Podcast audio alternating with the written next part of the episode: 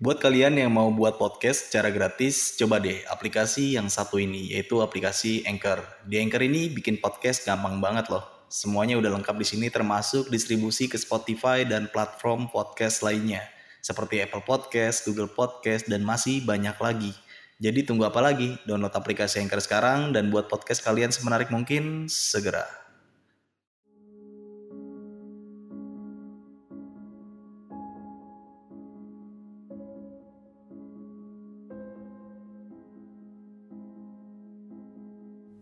Begitu gue mau bilas nggak sengaja gue nengok bang begini ke atas. Itu ada tangan bang begini nih. Dari atas apa namanya ada lubang kayak model plafon gitu ya. Itu muncul begini. Itu jarinya tiga. Tangannya hitam berbulu semua tuh. Pas si Nana ini nanya ke gua kita ngobrol segala macam itu yang diomongin sama si Nana itu ada di belakangnya dia bang. Persis muka mukanya ini tuh nggak ada. Kalau gue bilang pada saat itu ya nggak ada daging. Jadi antara tulang sama kulit. Ini kempot ke dalam. Tua banget pokoknya. Dan rambutnya itu panjang tapi jarang-jarang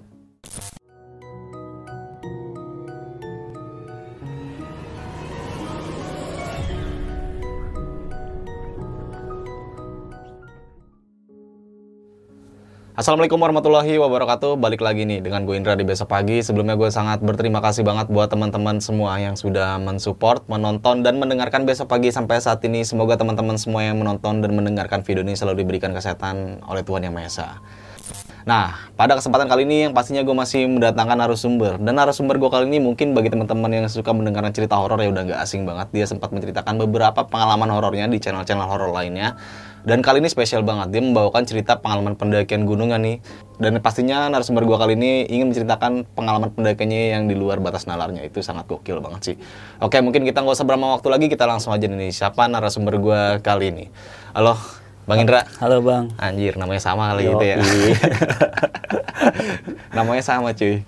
Nah, Bang Indra, uh, lo mau menceritakan pengalaman pendakian lo di gunung mana nih? di Gunung Lawu bang Gunung Lawu ya.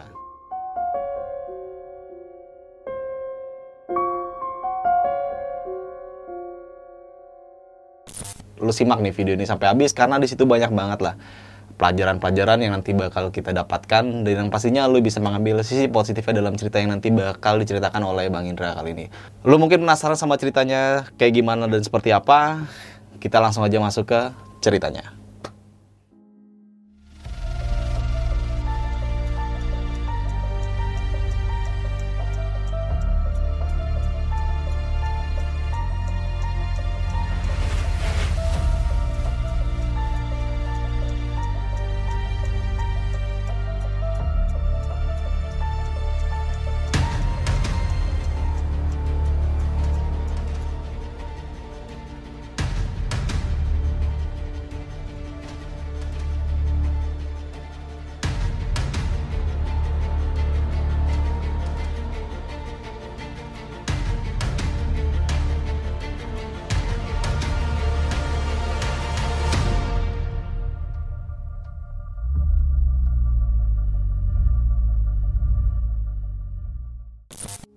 Oke nih Bang Indra, sebelum masuk ke cerita nih, atau lu mau menceritakan lebih detail kayak gimana ya?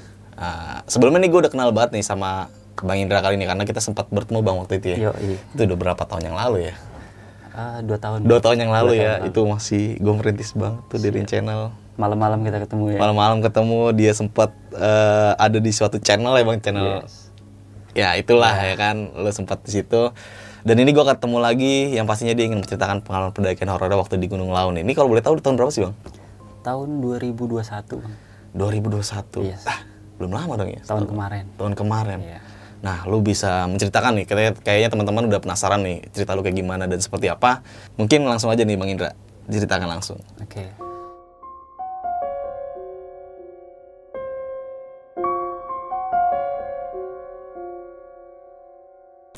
Jadi pendakian gua di Gunung Lawu via Ceto ya bang ya. Oke. Via Ceto ini di tahun 2021 waktu itu bulan Agustus bang.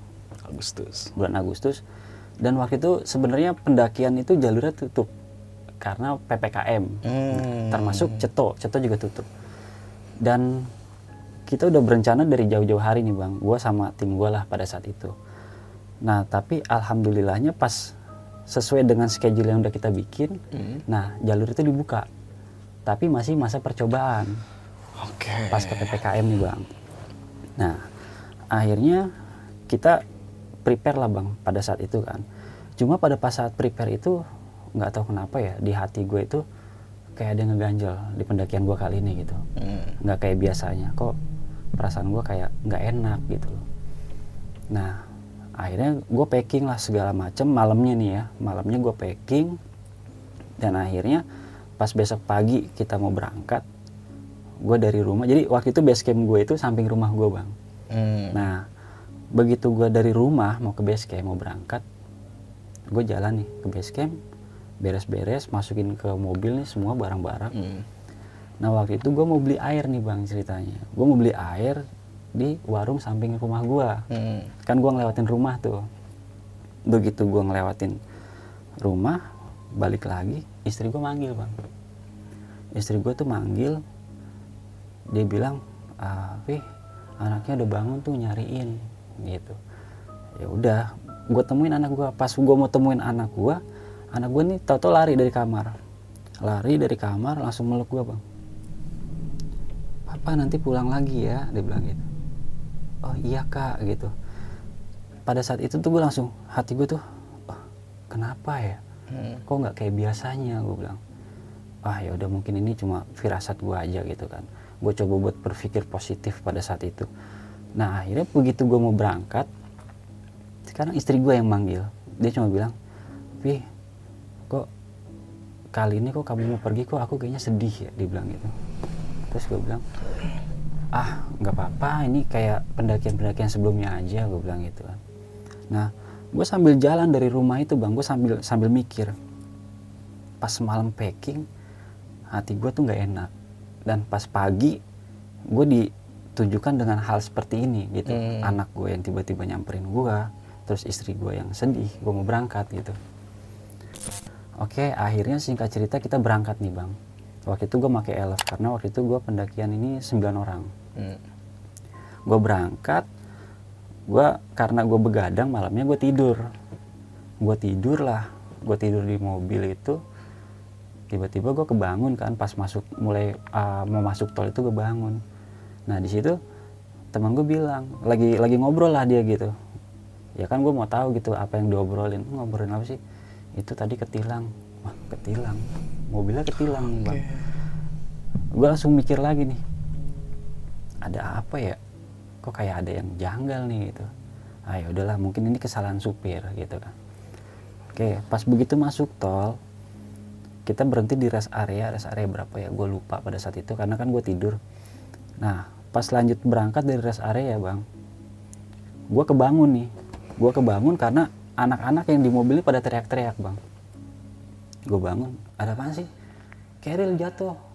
Gue nengok ke belakang Keril gue pada jatuh bang di tol jadi tiba-tiba nih mobil elf nih kebuka bagasi belakangnya Oh, jadi carry lu sempet ditaruh bagasi belakang nih. iya semua Keril ditaruh di belakang nih Oke. nah begitu di tol posisinya di jalur cepat lagi Hmm. kebuka jatuh semua Maur berarti ya.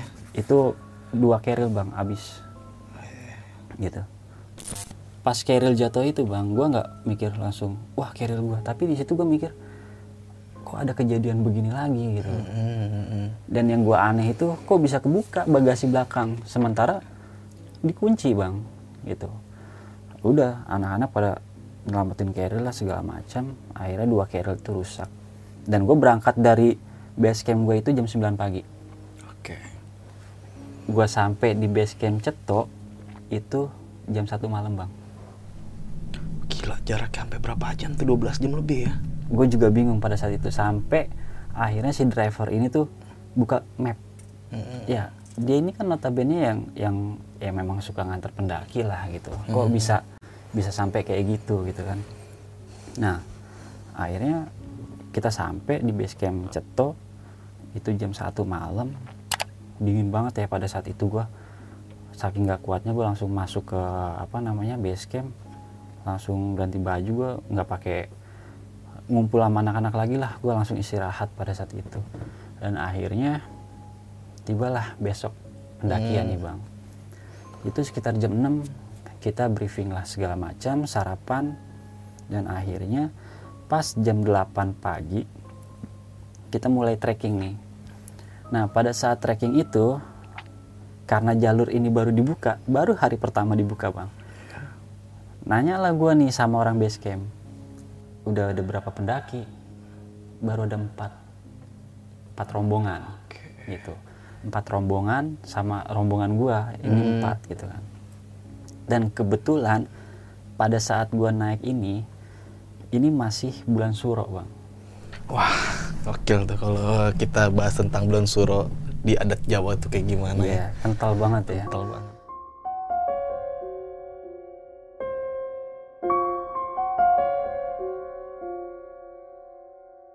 Nah akhirnya dari 9 orang ini gue jalan paling belakang sama kawan gue namanya Dani gitu.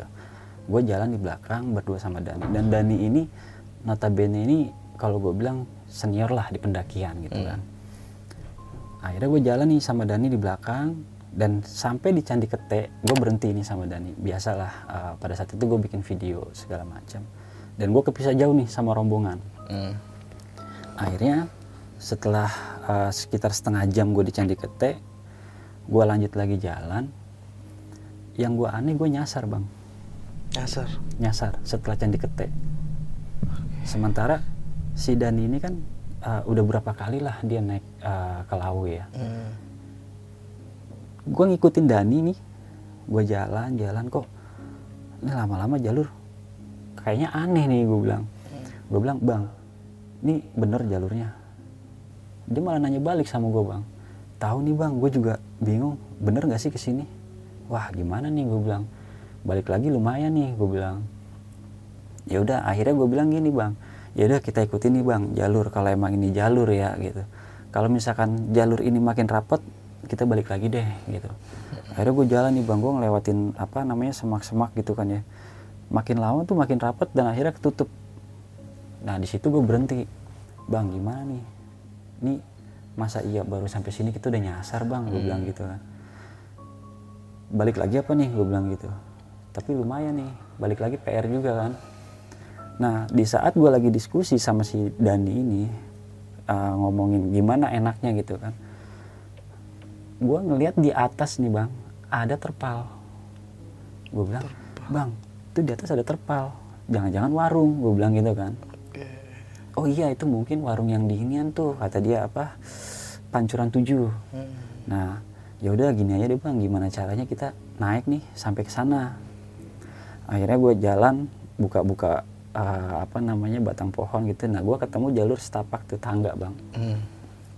ketemu jalur setapak itu tangga ah, udah ada apa namanya ubin keramiknya gitu sih. Gue jalan gue jalan dan gue tembusnya di belakang warung itu Bener warung berarti ya? bener warung tapi warung ini tutup. Ah. warungnya tutup. Dan di situ anak-anak gue pada di situ semua nggak taunya. Pada nungguin gue nih. Nah akhirnya gue bilang "Ah, kok masih pada di sini? Iya gue nyariin lu pada berdua lama banget gue bilang gitu. Iya gue tadi nyasar gue bilang gitu. Nah akhirnya begitu gue nyampe di situ anak-anak pada jalan nih bang. Berarti tujuh orang nih tujuh orang jalan. Nah gue sama si Dani ini sempat istirahat dulu lah di situ kan. Di situ ada kayak balai balai ya ada balai gitu kan. Gue duduk lah sama si Dani di situ. Nah pada saat itu gue mules banget tuh perut gue gue bilang kok tumben nih gue masih jam segini udah mules gitu kan. Nah si Dani ini ke toilet nih bang. Kan ada toilet tuh di pancuran tujuh itu. Dia ke toilet balik dari toilet gue mau ke toilet juga cuma perasaan gue nggak enak bang. Akhirnya gue nanya sama Dani gini bang toiletnya enak nggak? Gue bilang gitu. Enak bang tapi yang tengah ya kata dia. Oh ya udah oke. Nah akhirnya gue ke toilet nih bang. Toilet itu kalau nggak salah ada tiga nih. Nah gue masuk ke yang tengah. Cuma pas gue masuk ke toilet itu perasaan gue bener-bener nggak enak nggak enak banget pada saat itu. Sampai akhirnya uh, gue pup lah ya di situ ya. Pintunya gue nggak tutup Lu blak ini. gue blak karena saking nggak enaknya perasaan gue pada saat itu bang. Oke. nah cuma sampai gue tuh ngelihat teman gue duduk di balai gue pup di sini gue ngelihat gitu. Eh. saking khawatirnya gue sama perasaan gue pada saat itu kan. Akhirnya gue tutup lah separuh nih bang. Karena gue yakin juga emang nggak ada pendaki juga sih kan. Emang sepi juga kan pada saat itu.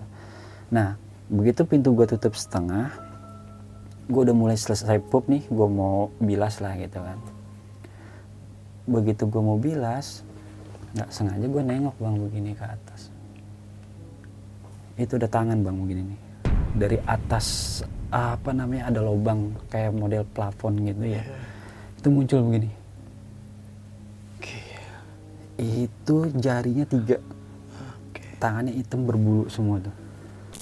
Gue langsung gue beres-beres gue bilas saking paniknya gue gue lari marahin si Dani nggak tanya Dani di apa di balai itu tidur.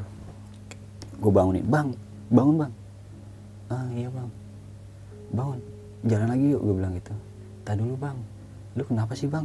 Kok lu perasaan dari tadi jalan tuh gue liat lemas banget gitu. Dia bilang nggak tahu nih bang gue juga tumben nih. Lagi nggak enak banget kayaknya. Gimana ya fisiknya tuh nggak kayak biasanya gitu loh bang. Ya.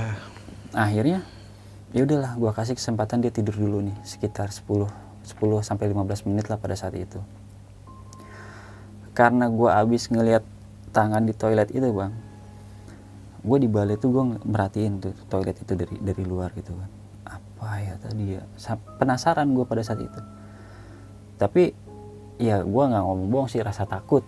Itu udah pasti gitu kan nah akhirnya karena gue makin lama makin nggak enak nih suasana ya udahlah akhirnya gue paksa si Dani ini melanjutkan perjalanan. Nah gue baru tahu kenapa pada saat itu pendakian gue ini bulan suro karena di pancuran tujuh itu masih banyak kembang nih bang. Oke. kembang ya mungkin bekas ritual lah gitu ya. Dan masih ada payung-payung yang emas itu. Iya, iya. nah akhirnya gue lanjut nih bang jalan gue lanjut jalan menuju ke pos 1 dan sampai di pos 1 itu gue nggak lama sih. Ya paling cuma 15 menit lah gue ngerokok sebatang di situ sama si Dani. Karena kondisi anak-anak ini udah udah terlalu jauh gitu karena gue ini rencananya malam pertama itu ngecamp di Gupak Menjangan. Jadi gue ngejar waktu bang. Gue jalan menuju ke pos 2 gue lihat kondisi fisiknya dan ini kok makin lama makin ngedrop gitu ya. Gue lihat mukanya tuh udah kok udah mulai agak pucat gitu. Bang lu kenapa sih bang? Dia bawa double double ini bawa depek di depan ini. Nah akhirnya bang udah depeknya sini gue yang bawa deh gue bilang gitu. Udah bang nggak apa-apa kata dia. Akhirnya pas sebelum pos 2 itu karena gue ngeliat kondisinya dia makin lama makin ngedrop ya udah bang akhirnya gue paksa bang dan dia pun menyerahkan depeknya ke gue nah sesampainya di pos 2 karena gue ngejar waktu sama apa ya kondisi juga sepi akhirnya gue ngelanjutin ke pos 3 nih. Di pos 2 ini gue nggak lama.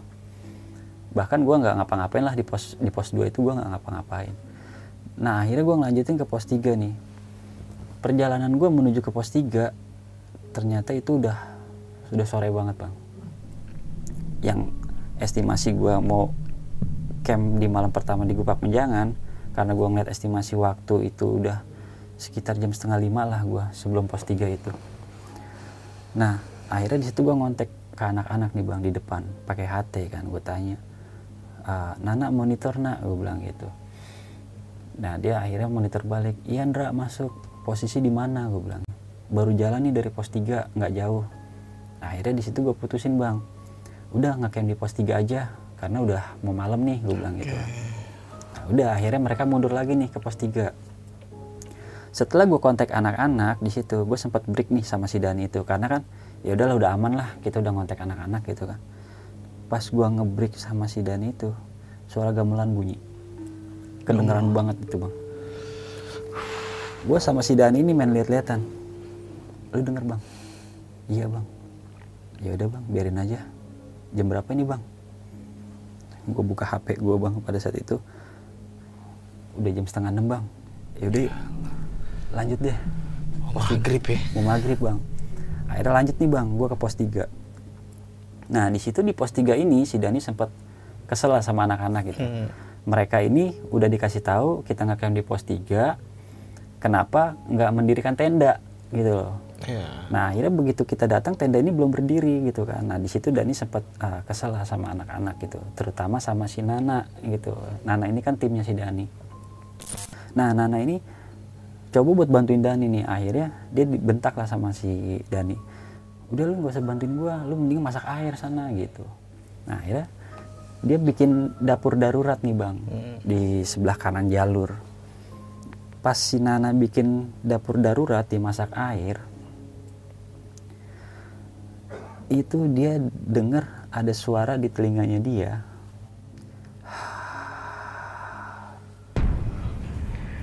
Akhirnya di situ ada encing gua bang, namanya Bidin ya. Dan encing gua ini memang dia paham lah sama hal-hal yang mistis ya gitu. Dia ngerti. Encing gua ini nyamperin si Nana. Kenapa nak? Dia cerita lah ah, si Nana ini ke encing gua ini cerita. Tadi ada gue dengar suara kayak ada suara lewat di samping kuping gue cing dia bilang gitu. Nah cing gue cuma bilang ya udah ntar si Indra juga ke sini bentar lagi dia bilang gitu.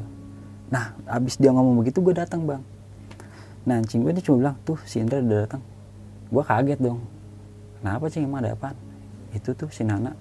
Tanya aja sendiri dia bilang gitu. Gue tanya emang kenapa nak? Dia ceritain lagi lah tadi ada suara lewat di telinga gue dia bilang gitu. Gue bilang ya udah itu mungkin suara angin kali gue bilang gitu kan gue coba buat bangun motivasi lah Iya, Bang. iya. nah akhirnya malam itu kita ngumpul semua tuh di tenda apa di dapur darurat itulah kita masak makan segala macam dan begitu udah mulai malam kita balik nih bang ke tenda jadi tenda gua ini di pos 3 ini kan ada warung ya Iya. Nah tenda gue di depan warung dan samping tenda gue ini tenda Nana dan tenda cing gue ini misah bang di bawah sendiri Karena dapat nggak dapat space. nggak dapat space dia di bawah nih sendiri. Nah begitu kita masuk ke dalam tenda si Nana ini main nih ke tenda gue bang Hmm. main dia nanya-nanya lah masalah yang tadi dia dengar suara di telinganya itu dia nanya ke gue sebenarnya suara apaan sih tadi Dia nanya kayak gitu Hmm. Nah, si Nana ini posisinya duduk di tenda gue itu di pintu tenda bang. Jadi gue kan menghadap keluar dong, gue ngelihat suasana di luar lah pada saat itu. Pas si Nana ini nanya ke gue, kita ngobrol segala macam, itu yang diomongin sama si Nana itu ada di belakangnya dia bang. Persis muka mukanya ini tuh nggak ada kalau gue bilang pada saat itu ya nggak ada daging. Jadi antara tulang sama kulit. Ini kempot ke dalam tua banget pokoknya. Dan rambutnya itu panjang tapi jarang-jarang. Sebelum lanjut ke cerita, untuk kalian yang ingin menjadi narasumber di besok pagi dan mempunyai cerita horor dalam pendakian, kalian bisa kirim cerita kalian ke Instagram official besokpagi.idv atau melalui email besokpagi.ch@gmail.com. nah di situ gue bilang nah udah deh jangan jangan ngomongin kayak begitu deh. Gue bilang lu balik lagi ke tenda. Dia nanya sama gue kenapa sih Indra udah lu balik tenda. Akhirnya si Nana ini balik tenda. Gue tutup bang tenda gue di situ gue berpikir wah apes nih gue ngeliat begituan lagi nih. Tadi gue di toilet ngeliat tangan. Sekarang di pos 3 gue ngeliat kayak begituan. Hmm. gue sempat nggak bisa tidur bang. Karena gue mikir wah gue apes nih. Nah teror nih gue nih. Itu udah udah muncul tuh pikiran gue yang aneh-aneh. Sampai akhirnya gue nyetel murotal. Gue setel murotal gue taruh di samping gue akhirnya gue bisa tidur tuh bang gue bisa tidur dan akhirnya gue ketemu pagi nih begitu ketemu pagi anak-anak udah pada masak tinggal gue doang belum makan bang gue bangun siangan Hmm. Oke, nah akhirnya begitu gue makan, gue kelar makan, anak-anak udah pada kelar packing, baru gue packing, dia pada jalan lagi nih bang, yang tujuh orang ini. Tinggallah gue sama si Dani lagi nih berdua. Akhirnya gue jalan lagi nih sama Dani, ketinggalan lagi lah sama anak-anak jauh. Nah itu dari pos 3 gue ngelanjutin perjalanan sekitar jam 10, jam 10 lewat lah. Jam 10 lewat gue jalan sama Dani. Nah, pas yang tanjakan ya pokoknya kalau dilihat dari bawah tuh curam banget ya abis pos 3 itu di situ lambat banget emang gue sama dan itu gue jalan lambat banget ya mungkin karena bawaan juga ya bawaan uh, barang. Dan akhirnya gue ngebreak bang di situ.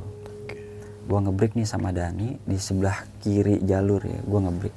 Nah pas gue ngebreak itu gue duduk di sini samping gue Dani dia tiduran. Dia tiduran dia pulas nih bang tidur. Begitu dia tiduran dia dengar dengar suara nih di telinganya dia. Dani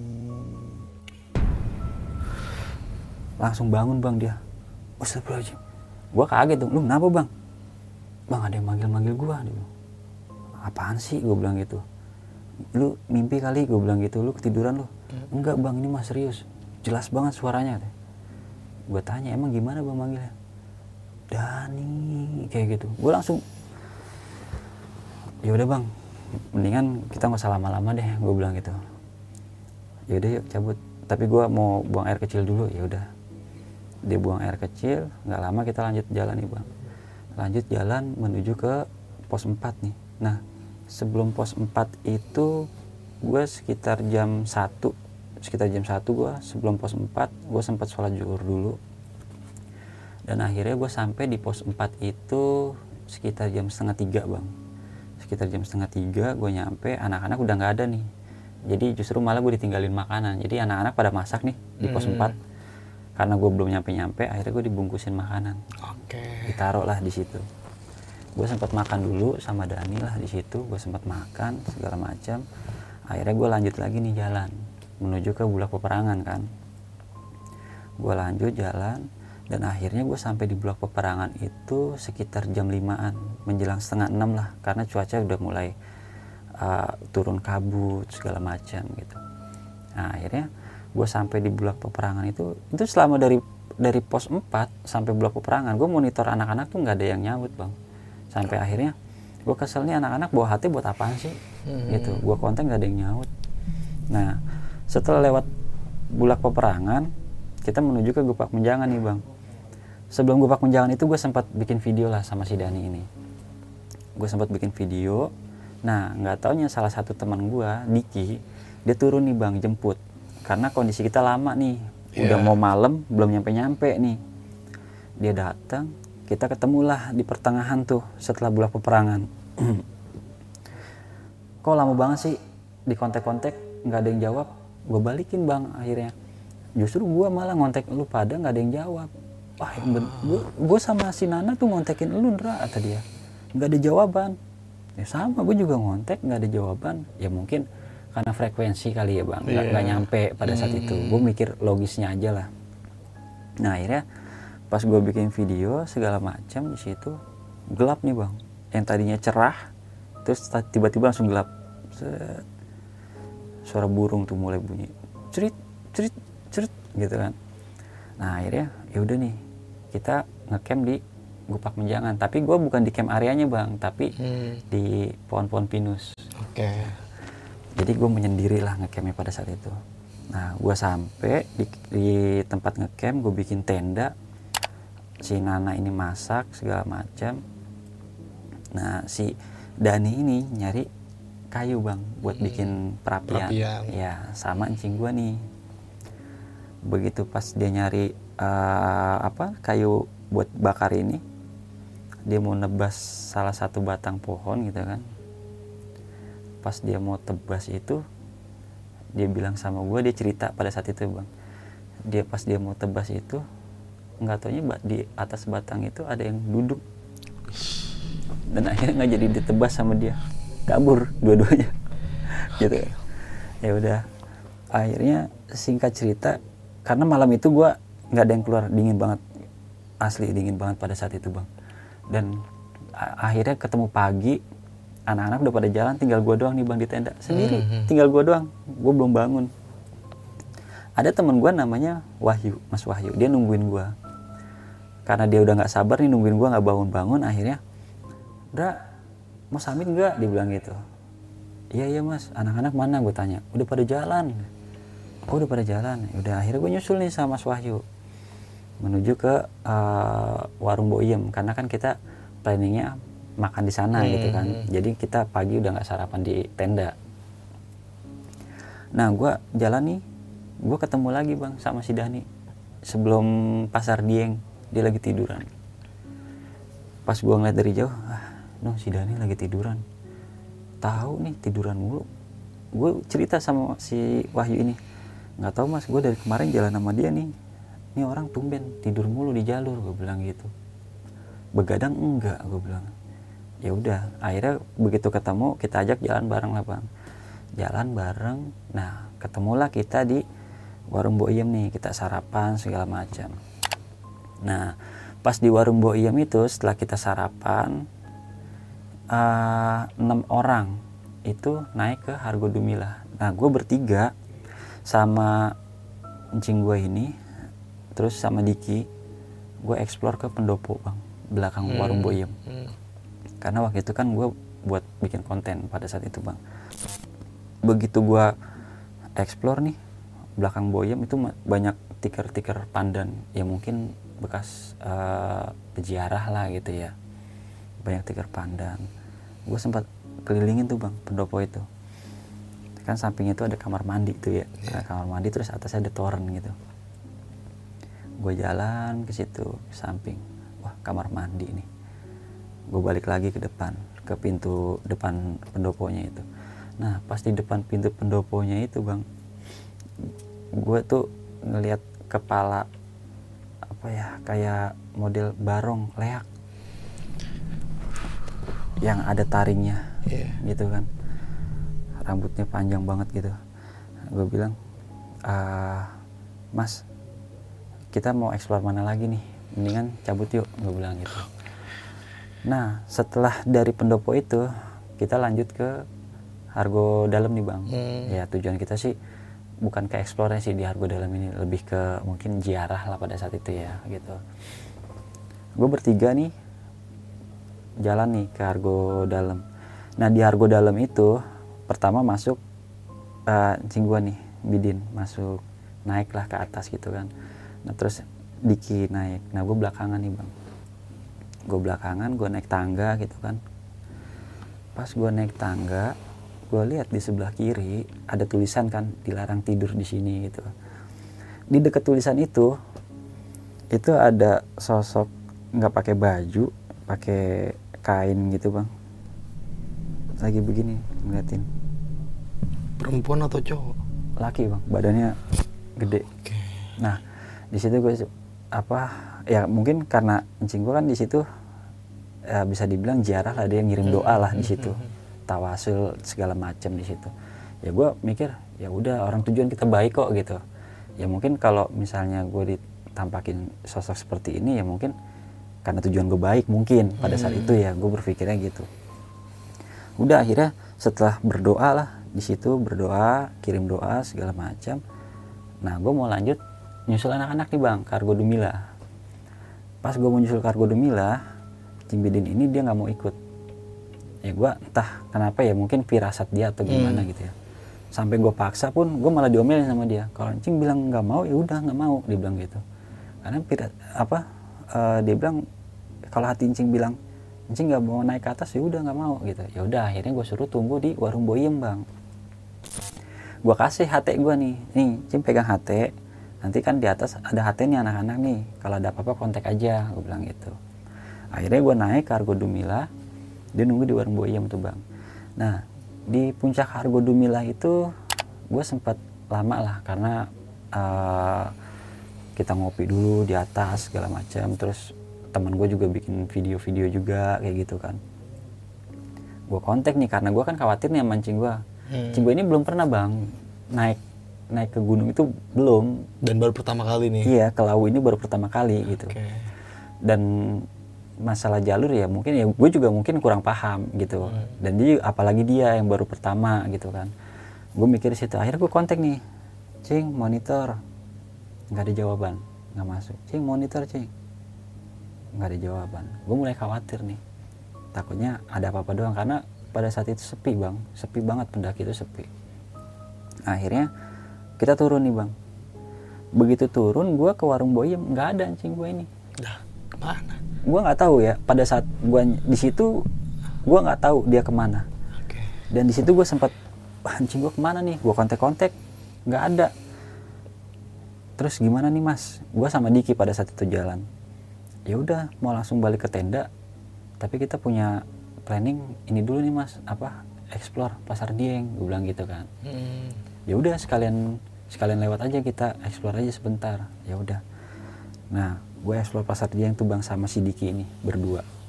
Oh sama Mas Wahyu. Mas Wahyu dia ikut. Nah waktu pas explore pasar Dieng itu gue bilang sama Mas Wahyu Mas tungguin di sini ya di salah satu batu lah bang. Gitu. Tungguin di sini ya saya mau masuk ke dalam nih mau ke sana. Takutnya gua nggak tahu jalan keluar Mas Wahyu ini maksud gua buat pertanda Iya, gitu iya. loh bang patokan kalau itu jalan keluarnya gitu. Nah begitu gua explore ke dalam itu nah gua sama Diki nih ngelihat sosok yang ada di pendopo pada saat gua explore pagi-pagi itu. Ada di pasar Dieng itu. pasar Dieng. Gitu. Dan akhirnya gue cabut balik. Begitu gue cabut balik gue nyamperin Mas Wahyu. Kebetulan Mas Wahyu juga nungguin gue bang. Udah yuk cabut gitu kata Mas Wahyu. Udah yuk buruan jangan lama-lama iya mas tadi lu sabar kenapa sih? Gue bilang gitu. Gue malah dimarahin bang sama Mas Wahyu lu gak tahu sih dia bilang gitu. Gue tuh ditabok dia bilang gitu. Siapa yang nabok lu? Gue bilang gitu. Mendaki gue ditabok sama bombo tuh lu lihat kuping gue merah bang. Dia kan pakai buff nih. Iya. dikasih lihat buffnya dibuka merah. Emang lu lagi ngapain mas? Gue bilang. Gue duduk di sini di tempat yang tadi lu suruh tunggu. Gue duduk sambil ngeliat ke arah gue nih gue jalan ke sana dia sambil ngeliatin. Dari belakang itu blak di telinganya dia ini iya.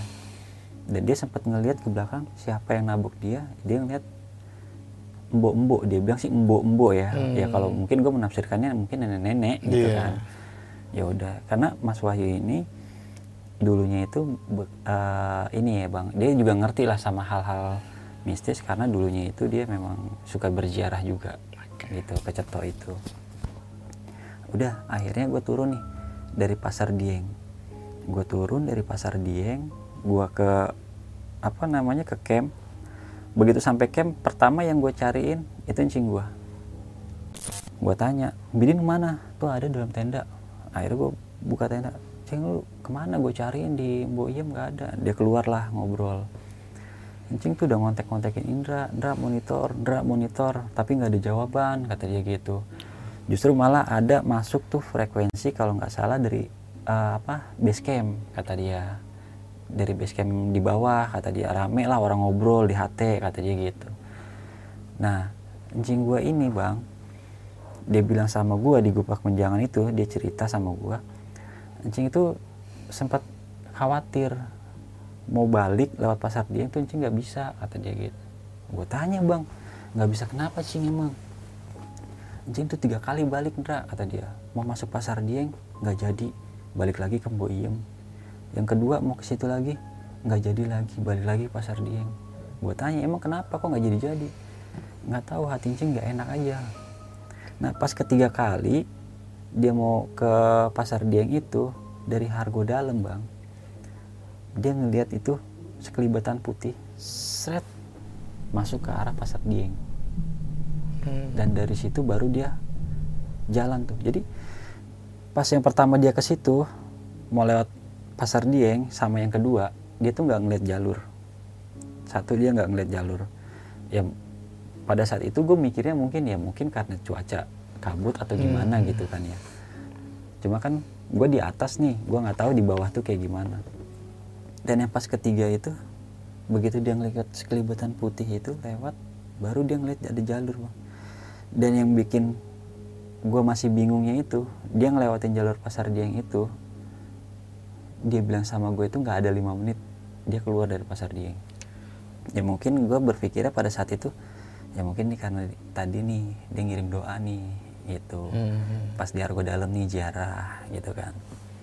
Nah pas di uh, Gupak Menjangan itu teman gue si Diki yang ikut explore sama gue bang. Dimarahin sama si Nana. Gara-gara? gue juga nggak ngerti nih. Jadi begitu si Diki nyamperin si Nana Nana ini kan dia masak nih bang si Nana kan buat makan sebelum turun nih. Diki nyamperin lah gitu. Langsung dimarahin sama si Nana. Lo habis ngapain? Pasar dieng. Dibilang gitu. Oke. Nggak ngapa-ngapain kok. Cuma keliling-keliling aja kata Diki gitu kan. Dijawab lagi sama si Nana bang bohong lu dibilang gitu. Ini kalau nggak lu Indra dibilang begitu. Enggak nak nggak ngapa-ngapain cuma ngambil video doang dibilang gitu. Akhirnya si Diki nyamperin ke gue bang Indra gue dimarahin sama si Nana. Diceritain lah gue dibentak-bentak segala macam ya udahlah biarin. Nah begitu turun tuh ternyata yang bareng sama si Nana ini bang itu dia di pasar Dieng itu dia nyasar. Gua nggak tahu dia nyasar ke mana. Yang bareng sama si Nana ini ya gua dia cerita ke gua dia nyasar terus dia ketemu petilasan. Tapi akhirnya sih dia bisa keluar dari pasar Dieng. Cuma nggak tahu dia muter-muter ke mana gitu dan akhirnya ketemu petilasan barulah dia keluar baru ke Gupak Menjangan. Gitu. Nah setelah kita apa sarapan nih makan makan ya. Setelah kita makan prepare buat turun nih bang. Kita packing tenda udah kita lipet-lipetin segala macam kita mau briefing lah gitu. Hmm. kita mau briefing nih kita mau turun kita turun jam segini. Kalau bisa nanti sampai sini jam segini biasalah kita briefing dulu. Pada saat briefing itu gue ngeliat tingkahnya si Nana ini udah beda nih bang. Hmm. diem nunduk gitu. Yang biasanya dia ngomong ngoceh segala macem gitu kan ya. Diem nunduk kayak udah nggak betah gitu loh di, di, di area itu dia kayak udah nggak betah nah begitu pas kita briefing nah anjing gue ini ke belakang nih bang. Tiba-tiba ke belakang. Dia kan di samping gue di- diri. Kita mau mulai briefing dia ke belakang. Gue pikir dia tuh mau kencing gitu kan. Hmm. oh mau buang air kecil dulu kali ya gitu. Ya udah. Nah nggak lama dia balik dari belakang tiba-tiba dia bilang sama gue gini Dra sini deh gue dipanggil. Kenapa cing? Badan gue langsung dipegang nih bang. Kayak orang netralisir gimana sih gitu. Hmm. badan gue dipegang diusap. Gue nanya dong ini kenapa cing? Gue bilang gitu. Enggak udah Indra diam aja. Nah abis gue digituin si Dani juga bang sama. Diusap juga sama dia nih. Ya gue sama Dani bingung dong kenapa sih bang? Gue bilang gitu. Nggak tahu. Udah udah nggak usah diomongin sekarang ntar aja cing ceritain di base camp dia bilang gitu kan. Tapi yang gue aneh gue ngeliat encing gue ini bang matanya tuh kayak orang abis nangis gitu ya ngembeng matanya itu. Dan ngomongnya juga terbata-bata saat itu sama gue ya udah akhirnya setelah kita selesai briefing kita nanya lah satu-satu ada pertanyaan nggak? Gitu kan. Begitu kita nanya ke si Nana nah ada pertanyaan nggak? Jangan diem aja gituin dia cuma bilang nggak ada. Gue cuma pengen cepet-cepet turun dari sini. Dia cuma bilang gitu. Gue udah nggak betah di sini dia bilang gitu aneh juga nih dalam hati gue ngomong kayak gitu. Ya udah akhirnya jalan nih bang. Nah ternyata anjing gue ini udah tahu nih apa yang dialamin sama si Nana itu. Nah akhirnya si Dani ini disuruh nge-backup si Nana. Jadi si Dani ini jalan di, duluan nih bang gitu. Dan akhirnya anjing gue ini jalan sama gue di belakang gitu. Sama Mas Wahyu bertiga. Mereka jalan. Kan turun tuh dari Gupak Menjangan gitu kan. Gue masih ngelihat mereka turun jalan begitu sampai di bulak peperangan bang gue dari belakang ngeliat kok si Nana jalan ke kanan nih bang? Jalan ke kanan terus diikutin sama si Dani. Si Dani nih ngikutin. Nah di arah ke kanan itu ada pendaki nih bang. Kalau nggak salah tiga orang deh. Dia lagi lagi duduk lah lagi duduk istirahat gitu. Disamperin ternyata sama si Nana ini bang. Nana cuma bilang sama pendaki yang lagi istirahat ini Mas ngambil airnya di mana? Dia bilang gitu. Di pos 3 mbak. Kan mata airnya di pos 3 kata dia gitu kan kata. akhirnya si Nana cuma bilang gini kok nggak ngambil air di sini mas? Ini air banyak loh. Jadi si Nana ini ngelihat bulak peperangan tuh kayak Ranu Kumbolo gitu loh. di situ si Dani mulai aneh nih ngeliat si Nana ini. Akhirnya ditarik lah lu apaan sih? Udah yuk cabut. Bikin malu aja lu gituin dicab ditarik lah sama si eh, Dani nih diajak ke rombongan lagi. Begitu si Nana gabung sama rombongan ngedumel lah si Nana ini. Gue gedek banget sama si Indra dia bilang gitu. Pokoknya kalau ada si Indra rasanya pengen gue ya pokoknya pengen di habisin aja dah gue bang gitu. Ngoceh ngoceh ke anak-anak gitu. Nah akhirnya gue datang nih bang. Gue datang sama cing gue nih bertiga sama Mas Wahyu begitu gue mau nyampe ke anak-anak cing gue nahan nih. Dia bilang Indra sini aja tunggu sini. Dia bilang kenapa cing? Udah tunggu sini aja. Begitu encing gue bilang gue suruh tunggu di sini gue liat Nana tuh yang dia tuh gimana ya muter nih bang ke arah teman gue jadi kayak orang ngumpet di belakang teman gue gitu gimana sih? Gitu. Lah, si Nana kenapa tuh dalam hati gue udah Ndra nggak usah di iniin nggak usah diliatin kata si kata encing gue gitu. Akhirnya mereka lanjut jalan nih bang. Mereka lanjut jalan gue gue masih ditahan nih sama encing gue ntar dulu Ndra jangan jalan dulu. Tungguin pada jauh dulu aja. Akhirnya mereka udah mulai agak jauh gue mulai jalan nih bang bertiga. Gue mulai jalan bertiga. Nah rombongan yang di depan si Dani ini sama si Diki itu narik si Nana bang. Jadi pas uh, bulak peperangan itu kan kalau turun kita melipir ke kiri tuh Iya. turun. Nah ini si Nana pengen lurus bablas. Jadi yang dilihat sama Nana itu jalur tuh lurus. Nah begitu si Nana mau lurus itu ditariklah sama si Dani. Lu mau ke mana lu gitu. Kalau nggak ditarik ya gue nggak tahu ya mungkin jatuh ke bawah gitu kan. Nah akhirnya pas mulai kejadian dari di bulak peperangan dia aneh pas mau turun dari bulak peperangan juga aneh akhirnya di backup lah sama si Diki dan si Dani nih di backup gitu. Diki di depannya di belakangnya Nana si Dani gitu kan. Nah ini gue udah nggak ketemu lagi nih bang sama mereka nih. Jadi gue tinggal bertiga doang nih. Gue bertiga gue jalan setelah ngelawatin bulak peperangan gue turun menuju ke pos 4 nih bang. Pas menuju ke pos 4 kaki gue udah mulai sakit nih bang kaki gue udah mulai sakit yang sebelah kiri.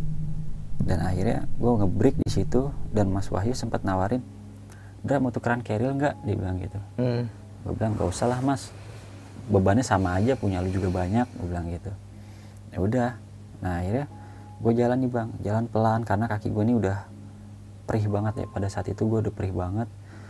Dan akhirnya gue sampai di pos 4 itu maghrib. Mungkin eh, jam 6 lewat 10 menit lah gitu. Nah di situ banyak anak-anak eh, pendaki ya pendaki lain itu lagi pada ngebreak di situ. Dan ada yang bikin tenda bang. Bikin tendanya itu di depan shelter. Di depan shelter yang ada tempat dupanya itu bang. Hmm. nah Mas Wahyu ini kan sempat sholat maghrib nih dalam shelter. Karena Mas Wahyu ini ngerti lah ya dulunya ini peziarah lah bisa dibilang peziarah dulu di Lau itu. Dia bilang lah ke pendaki yang bikin tenda di depan ini. Kebetulan yang bikin tenda ini cewek-cewek bang. Tenda cewek mungkin ya gitu ya. Dia bilang "Ah, mbak tendanya jangan di sini kalau bisa. Di atas aja tuh di situ. Dia cuma malah ketawa-ketawa bercanda lah kayak gitu.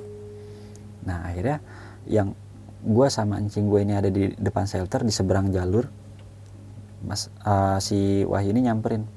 Kenapa mas? Gue tanya. Itu susah banget anak-anak dibilang bikin tenda jangan di situ. Ya udahlah mas biarin aja.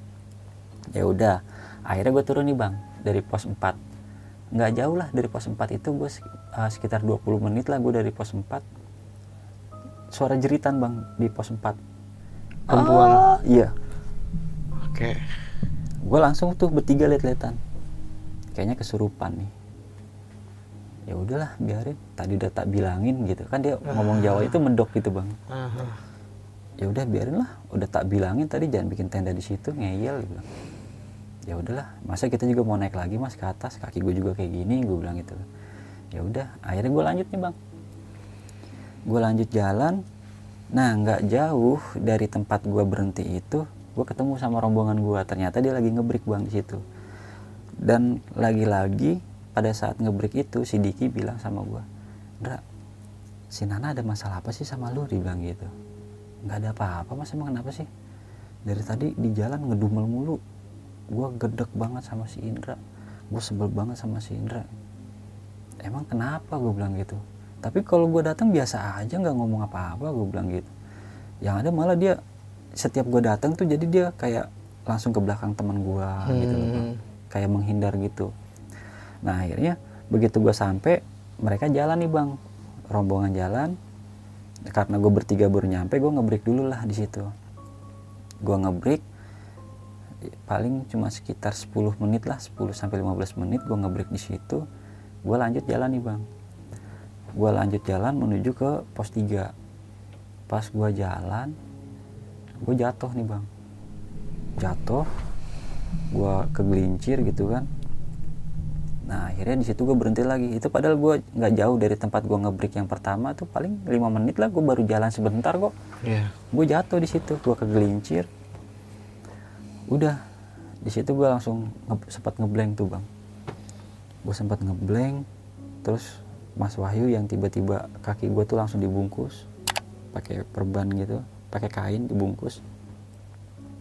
Nggak tahu kenapa di situ gue keluar air mata pas dia ngebungkus kaki gue itu. Dan gue tutupin muka gue pakai buff. Gue nangis bang pada saat itu. Gue nangis itu karena gue apa ya gue inget sama anak istri gue bang. Pas gue mau berangkat. Yang anak gue bilang papa jangan lupa pulang lagi ya dia bilang gitu.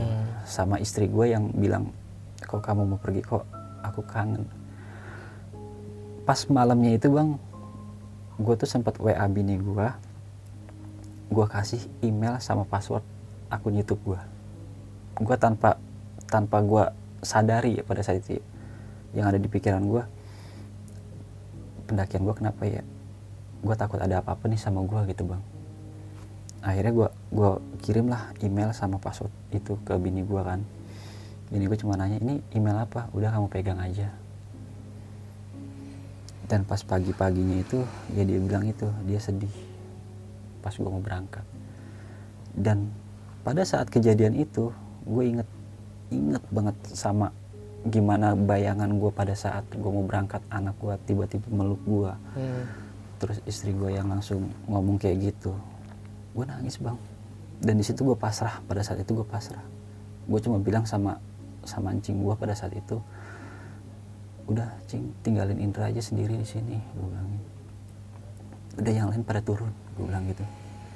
Dan di situ anjing gue cuma bilang nggak ada Indra nggak ada yang tinggal di sini. Semuanya turun semua turun. Nggak ada yang di sini. Udah tinggalin gue di sini sendiri. Gue udah nggak kuat gue bilang gitu. Gue megang hati kok.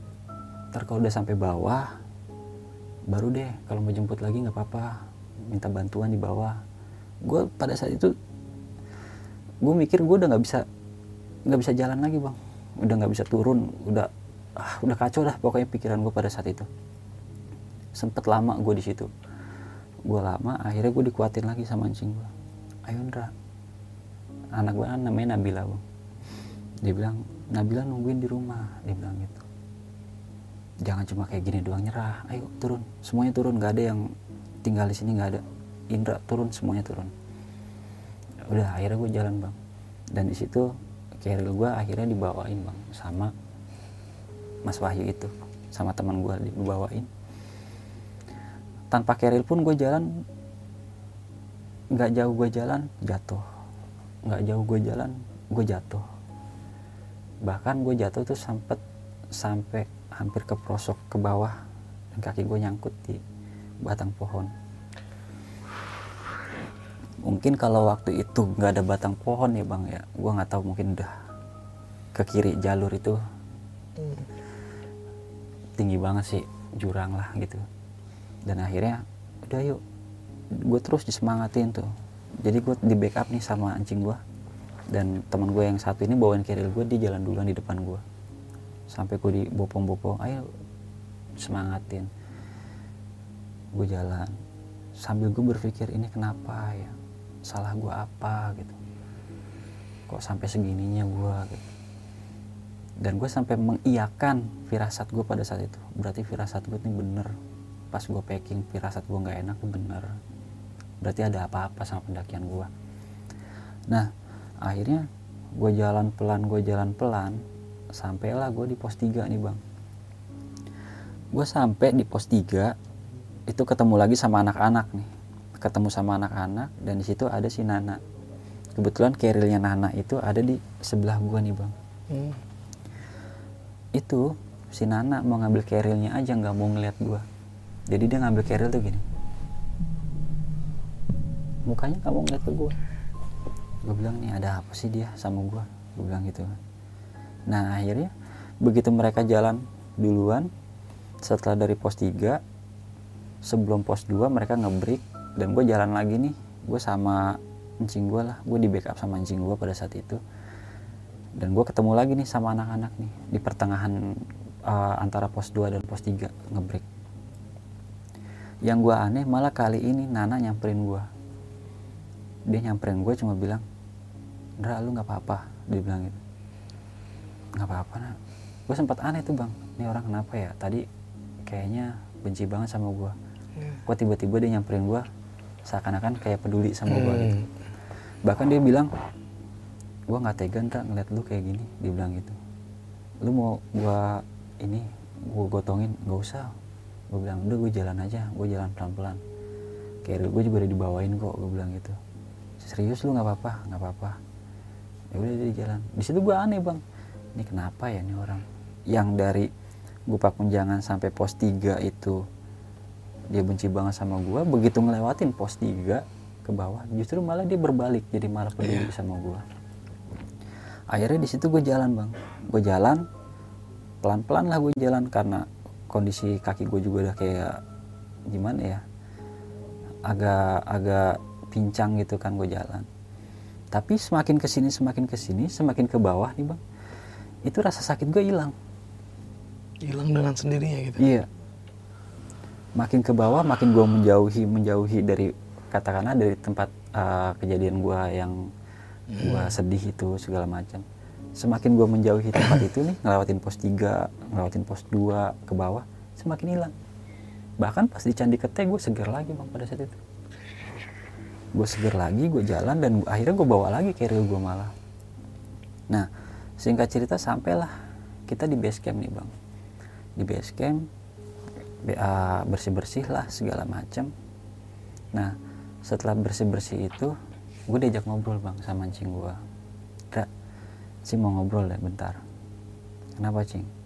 Akhirnya dia ngasih tahu lah bang ke gue alasan dia pada saat dibuka menjangan itu dia megang badan gue Iya. seperti orang netralisir lah dia bilang gitu. Hmm.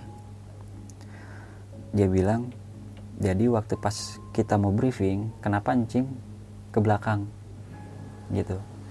Di situ ada yang manggil encing dia cuma bilang saya minta anak itu. Sambil nunjuk ke arah gua bang. Di situ encing gua langsung nangis. Encing gua cuma bilang itu keponakan saya. Dia punya keluarga di rumah. Dia harus pulang. Nah akhirnya encing gua kan nyamperin gua tuh ya dia mungkin ya karena dia ngerti hal spiritual ya dia coba buat membentengi lah pada saat itu ya mungkin ya membentengi badan gua. Tapi dia nggak bilang dan dia akhirnya dia bilang di base camp kenapa alasan dia kayak begitu? Jadi ada sosok perempuan pakai eh, apa ya kayak ginian kerajaan tapi dia bentuknya tuh ngerucut gitu loh bang. Dia cuma bilang saya minta anak itu tetap di sini sambil nunjuk ke arah gua. Nah tapi begitu encing gua nge-backup gua nih bang di jalan gitu kan. Bahkan sampai kak- eh, gua udah mulai pasrah udah mulai nggak mau turun gitu kan. Hmm. di situ encing gua bilang encing lihat ada kakek-kakek di situ. Dia ngeliat kakek-kakek yang ada di eh, apa hargo dalam. Oke. gitu. Dan kayaknya kakek-kakek ini familiar sama Indra dia bilang gitu. Udah pernah ngeliat gitu loh bang. Udah pernah ketemu mungkin sebelumnya gitu loh. Dia nanya lah sama gue sebelumnya Indra per- pernah naik ke laut? Per- ada apa? Dia bilang gitu. Pernah ketemu? Iya dulu cing. Gue pernah ketemu kakek-kakek waktu gue naik pertama kali ke sini. Dia nanya sama gue itu siapa? Ya gue nggak tahu kalau versinya teman gue dulu bilang itu adalah yang lawu bang. Itu jadi gua menyimpulkan pada saat itu di saat gue udah mulai pasrah segala macam dan di situ gua mungkin ya gue dijaga sama sosok kakek-kakek itu Bang. gitu. Dan akhirnya encing ngu- nguatin mental yang entah encing gue ini nguatin mental emang karena uh, inisiatifnya dia atau emang karena ya karena memang dia bisa komunikasi ya mungkin ya gitu. S- dia jadi akhirnya menyampaikan ini melalui perantara dia gitu. Gue nggak paham lah pada saat itu karena terus terang bang pada saat itu gue udah udah gue yang gue pikirin udah gue di sini. Gue nggak bakalan turun gitu. Paling yang ada di pikiran gue tuh besok paling gue ketemu sama tim evakuasi. Udah gitu doang. Gitu bang. Jadi itulah pengalaman gue di lau pendakian gue di lau via cetok Oke, gokil. Mantap banget deh. Cerita lu nih gua sampai meresapi banget dan ini menjadikan cerita lu yang gue denger nih menurut gua nih gokil sih sampai banyak banget drama-drama yang di luar nalar yang lu alami pada saat di Gunung Lau. Ini tahun 2011 Indra ya? 2021 kemarin Oh, Bang. 2021 sorry, 2021 dan ini belum lama juga ya? belum lama Dan lu ada niatan nih untuk mendaki Gunung Lau lagi gitu? kemarin gue udah sempat naik Ah, tapi lewat jalur yang beda Oke, berarti nggak ada kesan buat diri lu pribadi kayak gua kapok lah naik Gunung Lau? enggak ada Nggak ada ya? justru malah eh, Gunung Lau itulah yang bikin gue akhirnya suka dengan eh, dunia pendakian Ah, gokil. Oke nih, Ndra, thank you banget nih. Lu udah mau berbagi cerita pengalaman pendakian lo. Mungkin nanti bakal gue bertanya nih sedikit dari cerita lu ini ya tentang beberapa cerita lu yang mungkin agak ganjil ya menurut gue ya. Di sesi tanya jawab.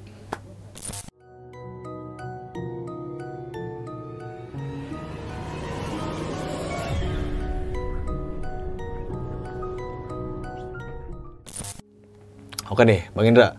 Gunung Laut tahun 2021. Wah.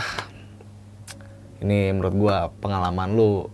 Apa lu udah mungkin pernah mempunyai pengalaman yang lebih gila lagi atau mungkin ini pengalaman yang menurut lu wah ini pengalaman yang menurut gua epic banget lah. kalau dari sisi teror dan segala macam ya bang Mm-mm. menurut gue ini yang paling paling berkesan banget buat gue Karena di situ lu menceritakan kondisi lu benar-benar udah pasrah ya kan. iya Dan di sisi lain Cing lu nih ya, salah satu Cing lu ini salah satu orang yang peka lah tentang hal-hal seperti itu ya.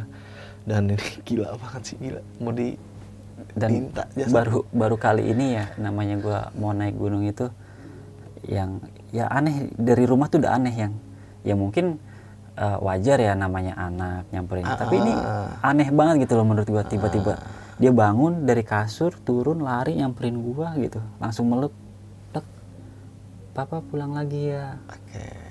Nah, terus istri gua tiba-tiba ngomong sedih pas gua mau berangkat. Dan gua tiba-tiba ngirim email sama password YouTube gua gitu. Seakan-akan tuh kayak gua ini nggak bakal balik lagi gitu loh. Gitu. Dan ketika lu mau berangkat nih ya, eh, ini salah satu momen di mana yang lu alamin baru pertama kali nih kayak anak lu nyamperin lu, bini lu nyamperin lu, ini baru pertama kali lu. pertama kali. Dan lu tuh ada firasat kayak ah kayaknya gua gak mau naik dah gitu, ada gak sih? Ada sebenarnya ada sih bang cuma kan karena memang eh, yang ada di pikiran gue gini mengalahkan satu atau banyak Mm. kalau gua nggak jadi ya pasti yang lain juga nggak bakalan jadi Oh Gitu. gitu. Oke. dan apakah ini gua harus mengikuti ego gua atau gua tetap uh, mementingkan orang banyak gitu mereka yang udah prepare segala macam kita udah pesan kendaraan segala macam kayak Dan gitu. berarti ini pendakian yang udah direncanain mungkin dari jauh-jauh hari ya. dari jauh hari Wah iya sih mungkin ya kalau kita hari ada orang yang cancel ya gimana gitu Iya, udah nggak asik betul. banget ya. betul bang Oke, nah mungkin gue skip langsung ke jalur pendakian lu nih kan jalur pendakiannya memang lu mengalami beberapa teror dan di sini gue mengalami kejadian yang eh, yang lu alamin ini agak ganjil Indra tentang pas lu waktu turun ya. Nah pas, pas waktu lu turun ini kan si Nana yang tadi lu jelasin dia sempat eh, nggak suka sama lu, nggak mau ngeliat lu. Kenapa sih dia? Eh, kalau dari versi cerita itu anjing gue bilang sih dia ketempelan bang Oh, ketempelan sama yang di pos 3 itu bang iya. yang yang ada suara ah, kayak gitu dan itu gua kan ngeliat tuh di tenda gua Mm-mm. sosoknya kayak gitu dan ya itu sebenarnya pas dari naik itu dia udah ketempelan Oke. jadi si sosok ini ngikut lagi turun bang sampai ke tempat Pos tiga mana. itu. Ah, makanya setelah pos 3 itu si Nana langsung berubah sama gue bang Ah, gitu dalam waktu dia eh pas waktu dia ketempelan lah ya kita bisa Hmm. katakan ketempelan eh, dia sempat sadar nggak sih berarti kan otomatis dia sampai puncak dan balik lagi ke pos tiga itu dalam keadaan yang benar-benar kondisinya ketempelan gitu kan iya tapi kondisinya ini eh, gimana ya lebih dominan pada saat pas turun bang hmm. Gitu. Karena pas naik ini kan gue nggak sama dia nih bang. Mhm. gue sama si Dani berdua di belakang. Mhm. dan gue juga nggak nggak pernah berinteraksi berkomunikasi lah sama dia. Jadi komunikasi itu hanya pas eh, kita makan udah. Dan kenapa dia kesel sama lu? Ya, sosok itu lah ya yang ketempelan itu kenapa itu? Ada mungkin informasi lebih detail lagi dari beberapa orang yang peka gitu. Eh, ya itu mungkin ya karena gue ngeliat sosoknya itu kali bang ya. Mungkin. Ah, jadi dia nggak suka gitu. Ah, ya itu yang makanya gue bilang wah apes nih gue nih. Pas di tenda malam itu gue sempet mikir gitu wah apes nih gue Nah, di Gunung Lau tadi lu sempat menjelaskan kalau lu beberapa tempat di Gunung Lau itu lu sempat explore ya. iya. Nah, tujuan lu explore itu eh, kan lu tadi belum sempat lu jelasin apa sih Dra, tujuan lu tuh explore gitu. Jadi- Tempat-tempat kayak Pendopo, terus Pasar Dieng. Eh, jadi lebih pengen ini aja sih bang tahu apa sih sejarahnya seperti apa Hmm. dan pengen lebih lebih ngerasain suasananya gitu loh bang Hmm. gitu pengen ngerasain suasananya suasana itu seperti apa sih sama nggak sih sama yang diceritain sama orang-orang dari mitos-mitosnya Hmm. kayak gitu sih Dan memang banyak bermunculan mitos-mitos dari Pasar Dieng dan tempat-tempat di Gunung Lau itu kan berbeda-beda ya. Hmm. Dan kalau gue boleh tahu nih Pasar Dieng itu eh, mitos apa sih? Karena gue banyak banget dengar cerita-cerita mitos Pasar Dieng. Ini ini loh, ini loh. Kalau yang lu alamin kayak gimana tuh? Oh, jadi kan karena kemarin gue juga kan kebetulan gue naik juga sama orang yang udah sering naik ke lau ya. Mm-mm. Jadi uh, kebetulan dia juga peziarah juga. Dan gue juga banyak bertanya juga lah sama dia. Banyak bertanyanya ini jadi gue bertanya ini uh, apa yang ada di hati gue gitu loh bang. Ini kayaknya begini nih. Gue cuma ma- mastiin ke dia gitu. Nah, jadi dari apa yang gue tanyain ke dia itu ya contoh kayak batu. Kenapa batu-batu itu disusun? dan itu katanya itu lapak-lapaknya mereka bang makanya kenapa jangan sekali-sekali merubah struktur atau apalagi merubuhkan ya sama aja kayak tempat dagang orang lu acak-acak Oh. Berarti batu yang bertumpuk itu udah ada gitu dari Iya. dulu gitu. Mm-mm. Bukan kayak manusia yang numpuk-numpukin. Ah, mungkin itu perantaranya manusia bang manusia yang mungkin memiliki hajat yang memiliki hajat ada tujuan tertentu lah Hmm, gitu nah tapi dengan ah, apa namanya ya lu kalau misalkan lu mau gua kabulin ya lu bikinin gua beginian gitu loh Oh, iya, syaratnya lah. Iya, ya. Iya, iya, iya. Wah, Oke sih Gunung Lawu. Gue nyumpain batu bertumpuk itu kayak banyak juga tuh di gunung lain tuh kayak di Argopuro banyak tuh batu-batu bertumpuk juga tuh kayak gitu tuh.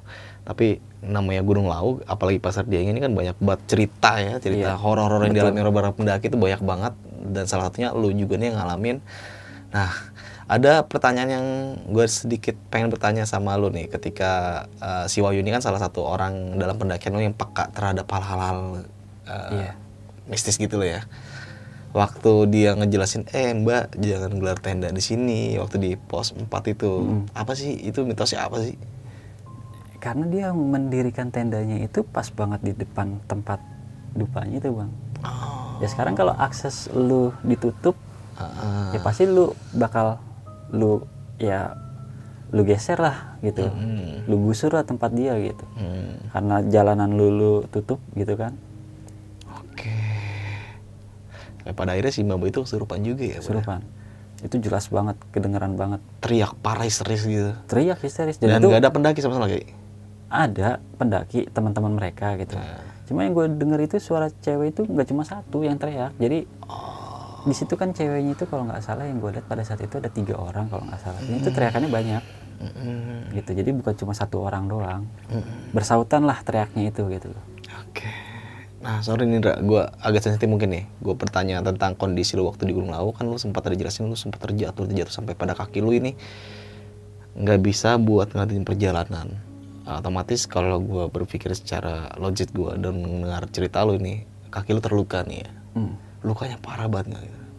nggak ada luka bang Oh, nggak luka nih. nggak ada Dan yang lu rasain pada saat itu? gimana ya kalau rasa itu kayak orang dicengkram gimana ya dicengkram keras gitu. Oke. kayak ya pokoknya kayak kita ngerasa tuh dicengkram gitu. Cuma gue mikirnya sakit ya mungkin urat gue ketarik gitu loh. Iya, gue mikirnya gitu. Tapi tanpa diobatin tanpa peng- tanpa pengobatan lah gitu ya itu makin gue makin menjauh dari pos 3 itu normal. Wah ini aneh banget sih. gitu. Oke. itu gue juga makanya ya masih bertanya-tanya ya. Ada beberapa gue nanya sama teman gue gitu ya di balik dari pendakian gue itu gue nanya sama teman gue yaitu salah satunya gue ditahan. Ada yang bilang begitu. Heeh. ya a- dengan cara menahan gue seperti itu biar gue nggak bisa turun. Terus mental gue juga di dihajar juga gitu. Nah, apa yang lo alamin ini, lu sempat menggali tentang informasi tentang kayak si yang tadi jelasin lu nggak boleh balik ngelihat si perempuan dengan pakai mahkota gitu. Lu sempat mempelajari informasi itu siapa sih sosoknya? Kalau itu sih wah gue nggak nggak nggak cari tahu siapa ya bang ya. Jadi gue nanya sama cing gue pada saat itu itu sosok itu siapa sih cing emangnya? Ya itu sih salah mungkin salah satu dari bagian dari kerajaan lah mungkin gitu ya. Karena dia juga nggak sendiri juga gitu loh. Ada beberapa pendampingnya dia lah gitu. Tapi perempuan juga gitu. Nah yang ngomong sama apa yang komunikasi lah gitu, yang komunikasi sama anjing gue itu ya itu yang satu yang didampingi ya terus yang ngomong ini didampingi sama beberapa pendamping gitu. Berarti emang kayak bisa katakan malu galip ya kerajaan di situ atau putri kerajaan di Gunung Lawu situ lah ya. Iya mungkin. Dan lu nggak tahu nih siapa siapanya itu ya. nggak tahu. Gokil. Sampai pada akhirnya lu berhasil kembali pulang dengan keadaan yang selamat itu. Bersyukur banget otomatis buat diri lu pribadi Ndra ya. Bersyukur banget bang. Nah, lu sempat tadi menjelaskan kalau lu ditahan gak boleh balik itu kenapa sih? Kenapa harus lu gitu pilihannya gitu? Apa lu melakukan kesalahan waktu pendakian atau apa gitu? Ada informasi dari orang yang peka nggak terhadap hal itu? Nah itu gue sempat nanya sama anjing gue bang. Hmm. Jadi pendakian di Lawu ini itu adalah eh, dimotori sama gue. Gue yang bikin rencana Oke. gitu. Gue yang bikin eh, apa namanya itinerary-nya segala macem gitu. I- ibaratnya gue sama Dani ini ketua rombongan lah pada saat itu. Nah jadi kalau anjing gue itu beranggapan ya karena gue eh, leadernya di situ lah gitu Makanya kayak segala sesuatu yang lu jalanin waktu pendakian itu sampai lu mengalami kejadian lu nggak boleh balik, lu nggak tahu nih kenapa sebabnya gitu. kalau untuk lebih spesifik ke yang ininya ya mistisnya gue sampai sekarang masih belum tahu. Ya mungkin ada kesalahan gue pada saat eh, explore mungkin ya di pasar dia yang di yang dikatakan tempat-tempat yang sakral lah gitu. Ya cuma kan gue memang tujuannya bukan untuk apa ya merusak mengotori dan segala macam enggak tapi kan hanya untuk pengen tahu sekedar tahu aja gitu Oke. ya mungkin di situ menurut mereka itu gue salah gitu loh bang Iya, oke. Nah, di Gunung Lawu tahun 2021 ini lu sempat tadi lu menjelaskan ada beberapa dokumentasi karena lu sempat videoin juga ya. iya Wah, nanti bakal gua tayangin kali Indra ya di sini ya. Boleh, Bang. Boleh. Nanti bakal gua tayangin di cerita Indra di waktu di Gunung Lawu tahun 2021. Dan thank you banget Indra, lu udah mau berbagi cerita pengalaman lu di Gunung Lawu. Dan ini menurut gua cerita yang tadi lu jelaskan baru pertama kali lu mengalami kejadian seperti itu ya. Iya. Dan sampai aduh, ada sedihnya juga karena ya kalau gue mungkin udah berkeluarga merasakan hal yang sama Indra. gue terus terang bang baru kali ini gue naik gunung nangis Iya. gitu nangisnya itu karena gue ingat anak sama sama istri, istri itu ya Iya. wah gila gue nggak bayangin karena gue mungkin belum berkeluarga jadi Iya. gue belum bisa ngebayangin itu tapi ini wah gokil ceritanya. Nah oke nih Indra. Sebelum mengakhiri cerita lu punya pesan-pesan gak sih buat teman-teman semua nih yang mendengarkan cerita lu waktu di Gunung Lau khususnya? Eh, pesan-pesan ya. Mungkin kalau dari sisi kesalahan kan kita namanya manusia kita nggak tahu ya bang kesalahan gue itu di mana. Tapi eh, sebisa mungkin sih kita meminimalisir lah kesalahan kita. Hmm. dengan cara ya tidak merusak tidak mengotori dan dengan berbagai hal-hal yang lainnya lebih melestarikan lah kalau bisa gitu aja sih Nah, Bang Indra juga mempunyai channel YouTube nih. Kalau teman-teman semua masih penasaran dengan channel YouTube ya Bang Indra, channel YouTube lu apa Indra? Indra Stories bang. Nah, Indra Stories dia membahas tentang beberapa cerita pengalaman horor juga ya. Ya, dan di situ juga ada cerita dari incing gue itu bang. Nah, lu simaklah tuh di channelnya Indra Stories. Oke, mungkin itu aja kali Indra ya. Siap. Ini waktu udah menunjukkan jam satu malam nih, lumayan gokil, udah lumayan mau pagi. Dari gue Indra, cukup sekian. Kurang lebih mohon maaf. Saksikan video-video berikutnya dari besok pagi. Wassalamualaikum warahmatullahi wabarakatuh.